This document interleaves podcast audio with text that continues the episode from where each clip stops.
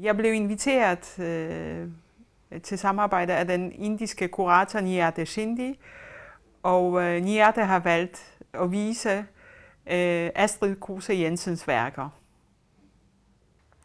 I Bombay på The Viewing Room viste jeg mit helt nye projekt, øh, Hidden Places, som øh, er et projekt, der er skabt udelukkende i Island, øh, og som så blev vist for første gang samlet.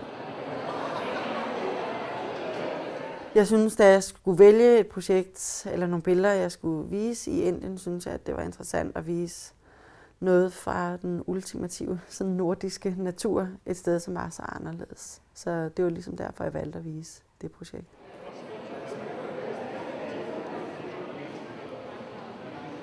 Det er så billeder, som alle sammen er skabt i Island, og som alles, alle billederne er skabt på lokationer, som ifølge savnene øhm, har en speciel energi og spiritualitet. Motivkredsen var noget helt, helt andet, men sådan indholdet af værkerne var helt klart noget, som, som de sagtens skulle relatere sig til.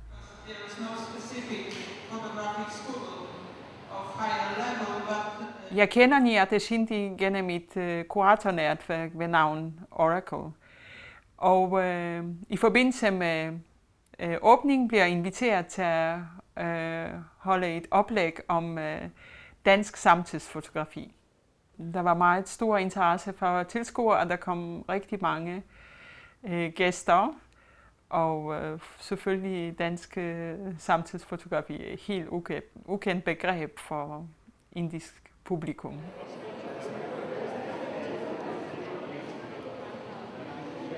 Ja, det Cindy øh, har fortalt mig, at hun har valgt øh, Astrid Kruse Jensens værker, fordi de er så dybe og så intense, at de vil også ramme øh, det indiske publikum.